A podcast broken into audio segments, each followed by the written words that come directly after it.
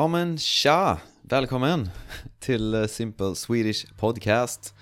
Eh, så idag ska jag prata om någonting som jag tycker är eh, väldigt kul och eh, någonting som för många är väldigt, väldigt viktigt när man vill lära sig ett nytt språk och det är att läsa böcker.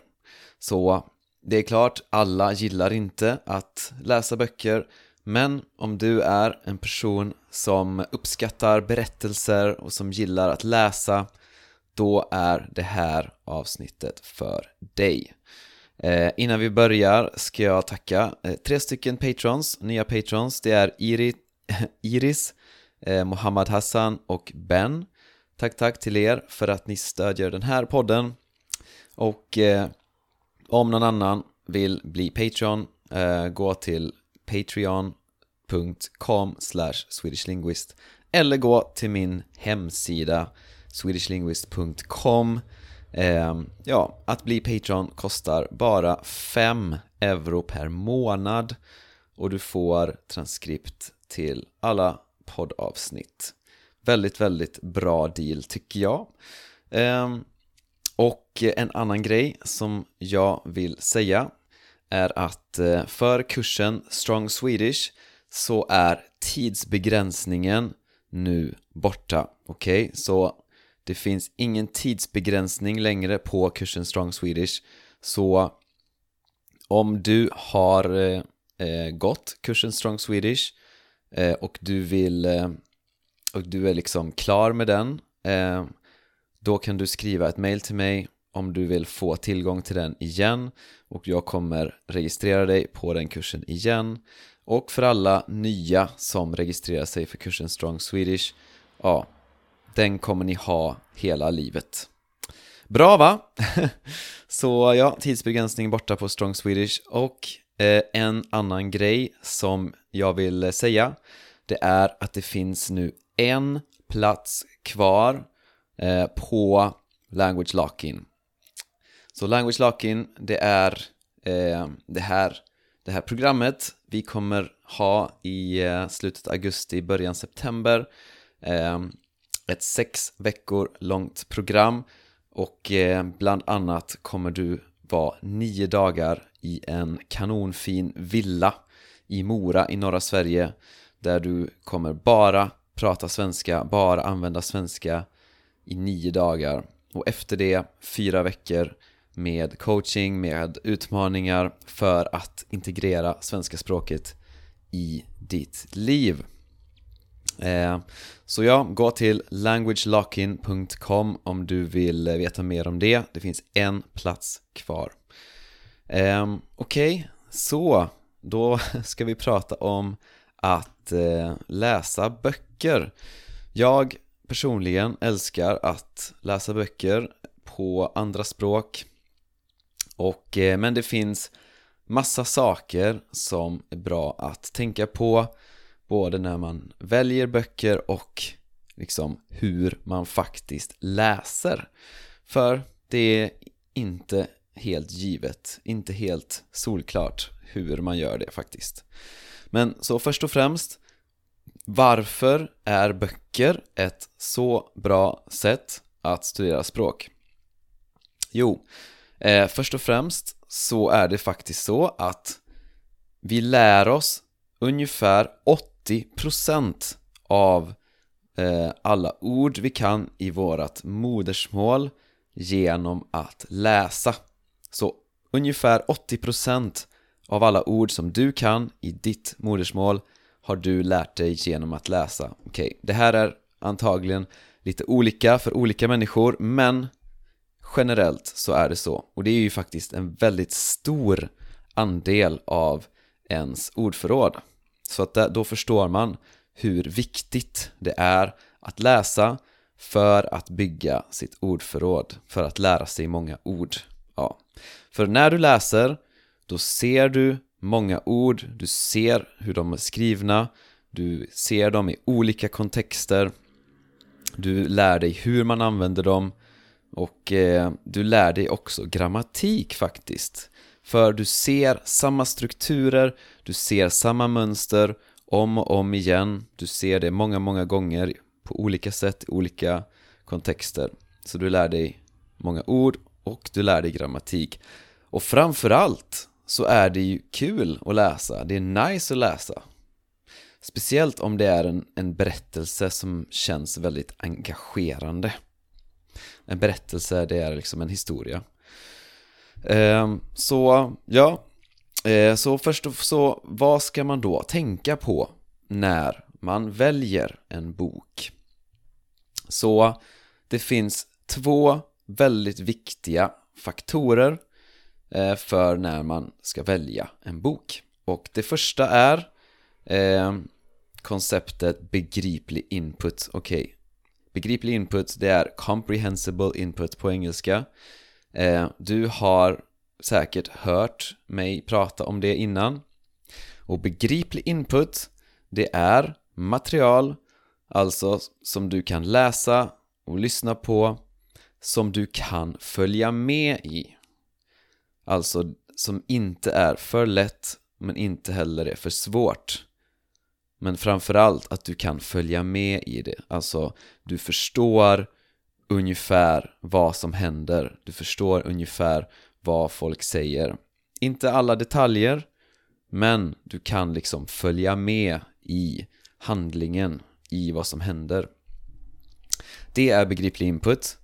Och det allra bästa, det ultimata, det är om eh, materialet, eller ja, nu pratar vi om böcker så att vi kan säga specif prata specifikt om böcker så säg den här texten det ultimata är om den här texten har lite, lite högre nivå än vad du har.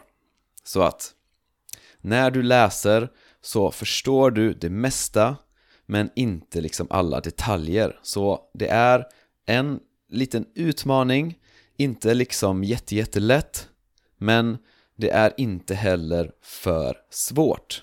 För om det är för svårt då kommer det kännas jobbigt, det kommer ta för mycket energi och du liksom, du kommer inte fortsätta, du orkar inte, liksom, det tar för mycket energi. Så det ska inte vara för svårt. Eh, men inte heller liksom jättelätt, okej? Okay? Det är begriplig input. Så det är den första väldigt viktiga faktorn. Den andra väldigt viktiga faktorn det är att berättelsen ska kännas intressant och engagerande. För det måste kännas kul, du måste liksom, du måste kunna njuta av själva läsningen. För när det känns intressant och engagerande då fokuserar du mer. Så din hjärna fokuserar mer och det betyder att du lär dig mer. Och om du gillar en aktivitet, om en aktivitet känns nice Det betyder att du gör mer av den aktiviteten automatiskt liksom. Och när du gör det mer, när du läser mer, då lär du dig mer. Så det är, det är solklart varför det är så viktigt att Eh, berättelsen känns intressant och engagerande Så att de här två faktorerna är väldigt, väldigt viktiga så dels att det känns intressant, kul, engagerande, det känns nice och att nivån inte är för hög och inte heller för låg. Men oftast är problemet att, att nivån är för hög. Så det finns några faktorer som gör att en bok blir lite lättare att läsa så dels har vi då lättlästa versioner av olika böcker. Och det finns många på svenska. Eh, du kan bara googla lättlästa böcker på svenska. Eh, så det finns liksom lättlästa versioner av många olika böcker. Och det är en jätte, jättebra eh, resurs att använda. För den är liksom, den är gjord för ja, folk som lär sig svenska. En annan faktor som gör att det blir eh, lite lättare Det är om det finns mycket dialog i boken Så det är mycket, mycket lättare att följa med i en berättelse med mycket dialog än om det har massa beskrivningar av miljöer, beskrivningar av händelser och så vidare. Så mycket dialog, det är väldigt bra. Eh, en annan grej är att det är riktat till unga människor, alltså att boken är skriven för unga människor. Eh, då brukar språket vara lite mindre komplicerat. För ja, okomplicerat språk, informellt språk, det, det är också saker eh, som gör att det blir lättare att läsa. Eh, eller att du har läst samma bok förut, fast i ett annat språk. Eller att du är bekant med kulturen eller med personerna eller med händelserna eller med ämnet att du, att du liksom redan är bekant med vad boken handlar om. Att du redan liksom vet lite om det. Det är också eh, någonting som gör att det blir lättare. Och att boken inte är så lång. Det, det är också en grej. Så en bok som är, eller det är egentligen flera böcker, men någonting som är väldigt populärt, det är att läsa Harry Potter. Och jag tycker också om att läsa Harry Potter på andra språk, för Harry Potter, den är, språket är inte så komplicerat. Eh, den är skriven för unga människor. Eh, det finns mycket dialog. Och jag har läst Harry Potter förut och många människor har läst Harry Potter förut så därför är man bekant med karaktärerna, man är bekant med berättelsen. Så Harry Potter, perfekt. Um, och um, ja. Så, vad har vi sen? Uh, jo, så när man faktiskt har valt en bok hur gör man när man läser den boken? För när man läser på sitt modersmål då förstår man alla ord, man förstår alla nyanser, man förstår liksom såna här små hintar och ja, och man, så man är van att liksom förstå alla små detaljer. Men när man läser på ett nytt språk då förstår man inte alla ord, man förstår inte alla detaljer och så och många människor har liksom en tendens att vilja översätta alla nya ord. Men är det rätt sätt? Alltså, okej, okay, om du lyckas hitta en bok som har perfekt nivå för dig Okej, okay, du förstår inte alla detaljer men du kan följa med i berättelsen Om du lyckas hitta en sån bok Perfekt, okej okay? Du kan läsa, du, du kan njuta av läsningen liksom Du behöver inte spendera massa tid på att översätta. Du kan översätta nya ord om du vill och det kan, kan vara ett bra sätt att lära sig nya ord. Eh, Men du kommer också att lära dig nya ord bara genom mycket exponering och att se de här orden i kontext. Det är ju faktiskt så vi lär oss vårt modersmål. För när vi lär oss vårt första språk, då finns ingen översättning utan vi bara lär oss genom kontext och mycket repetition. Mycket repetition. Så, så att det funkar jättebra.